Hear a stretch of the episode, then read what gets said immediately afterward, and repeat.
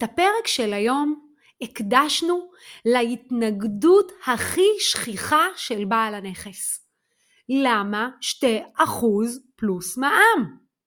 אני רק מזכירה, אם אתם חדשים בערוץ הזה, אז חשוב קודם כל שתחזרו אחורה אחורה לפרק עליו דיברתי, איך לעשות פרזנטציה מנצחת על ידי שאלת שאלות הובלה. כי היום אנחנו נטפל בהתנגדות, אבל אם אתם לא יודעים לעשות את הפרזנטציה כמו שצריך, יהיה לכם קשה לטפל בהתנגדות. אז תחזרו לפרק הזה, ואם שמעתם אותו פעם אחת, אז לא מזיק לשמוע אותו עוד הפעם. לגבי הפרק שלנו היום, אני רוצה להתמקד בהתנגדות השכיחה ביותר, שהכי קשה למתווכים לטפל בה, והיא גובה העמלה. למה 2% פלוס מע"מ? אז יאללה, אנחנו ניגשים ישר לעניין. כאשר יושב מולכם בעל הנכס ואומר לכם, אבל למה 2%?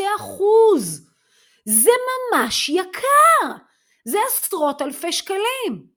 קודם כל, אם ביניכם לבין עצמכם יש דיסוננס, הכוונה ניגוד, ואתם באמת לא מאמינים שאתם שווים את הסכום שאתם גובים, תדעו שהלקוח שלכם יודע את זה. לא רק שהוא יודע את זה, הוא מרגיש את זה. אז קודם כל, קודם כל, כדאי שתעשו עבודה עצמית ותזכירו לעצמכם למה אתם דורשים את הסכום הזה. הרי אם טיפלתם בבעל הנכס שמונה חודשים, והבאתם לו עשרים קונים, והוא דיבר איתכם אין ספור פעמים, האם הוא משלם לכם על הזמן שהשקעתם? לא. בפועל הוא משלם לכם על הערך שאתם מייצרים עבורו בעסקה. המידע שאתם מייצרים לו על הצד השני, היכולת של, שלכם לנהל משא ומתן עבורו, החיבורים שאתם עושים לו בעסקה, הצד המקצועי שאתם מטפלים גם בבירוקרטיה וגם בחיבור מול כל הגורמים הרלוונטיים כדי שתהיה לו עסקה מיטבית. על זה הוא משלם לכם, ועל זה הוא משלם לכם רק 2% פלוס מע"מ. כי בפועל לא כל לקוח שאתם תטפלו, אתם תסגרו. ולכן השתי אחוז האלה הם לא באמת, כשאתם מתכללים את כלל העסק הזה, אתם עובדים הרבה פעמים לחינם, ולכן המחוקק קבע שזה שתי אחוז. דרך אגב, אם אנחנו באמת יורדים לרזולוציות של החוק, אז החוק אמר שזה יכול להיות מסכום מוסכם על שני הצדדים. זאת אומרת, בפועל זה גם יכול להיות יותר משתי אחוז, רק מה שנהוג זה שתי אחוז פלוס מע"מ. עצרנו לרגע כדי לספר לכם על קבוצת הפייסבוק מתווכים משתפים בידע וכלים, שנועדה בשביל שיהיה לכם מקום לשתף, לשאול ולקבל עוד הרבה מידע על התחום. לבעלי המשרדים קיימת גם קבוצת פייסבוק נפרדת שנקראת משרדי תיווך קבוצת הנהלה. בקבוצת המנהלים תמצאו תכנים ייחודיים בנושא גיוס סוכנים, חניכה, שימור וניהול משרד. אז חפשו בפייסבוק והצטרפו. ועכשיו, בחזרה לפרק.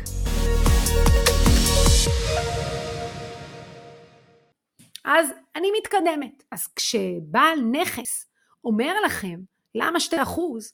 תזכירו לו קודם כל שהוא לא משלם לכם על הזמן שלכם, הוא משלם על הערך שאתם יודעים לייצר עבורו בעסקה. תזכירו לו מה הערך הזה.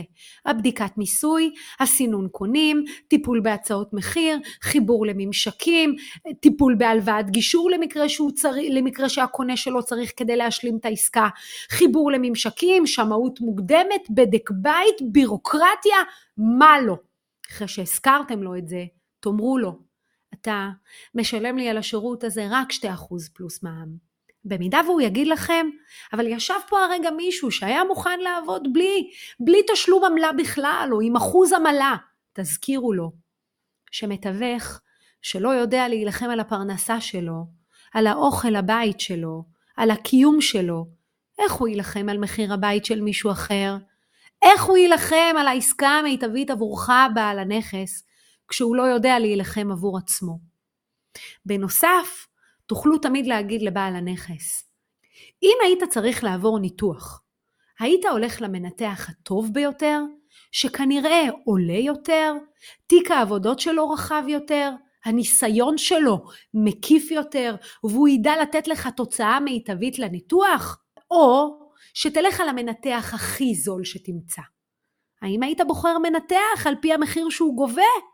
כנראה שלא. היית עושה את זה עבור ניתוח. לא תעשה את זה עבור הבית שלך? עבור העסקה היקרה, החשובה, המשמעותית ביותר בחייך? כאן אתה מחפש את הספק הזול ביותר?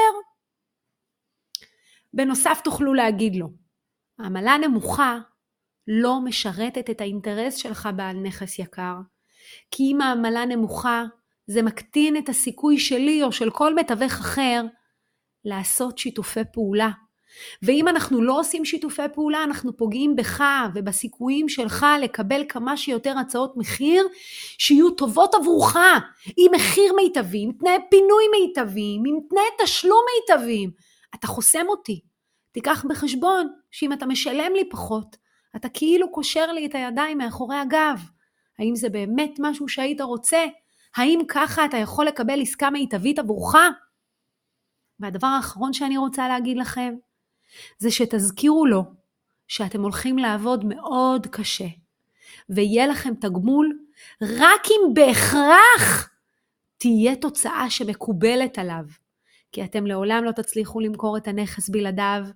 אתם צריכים שהוא בהכרח יקבל עסקה טובה, כדי שהתנאי תשלום שלו יהיו טובים, והמחיר שהוא יקבל יהיה מקובל עליו, וגם תנאי הפינוי יהיו נוחים לו.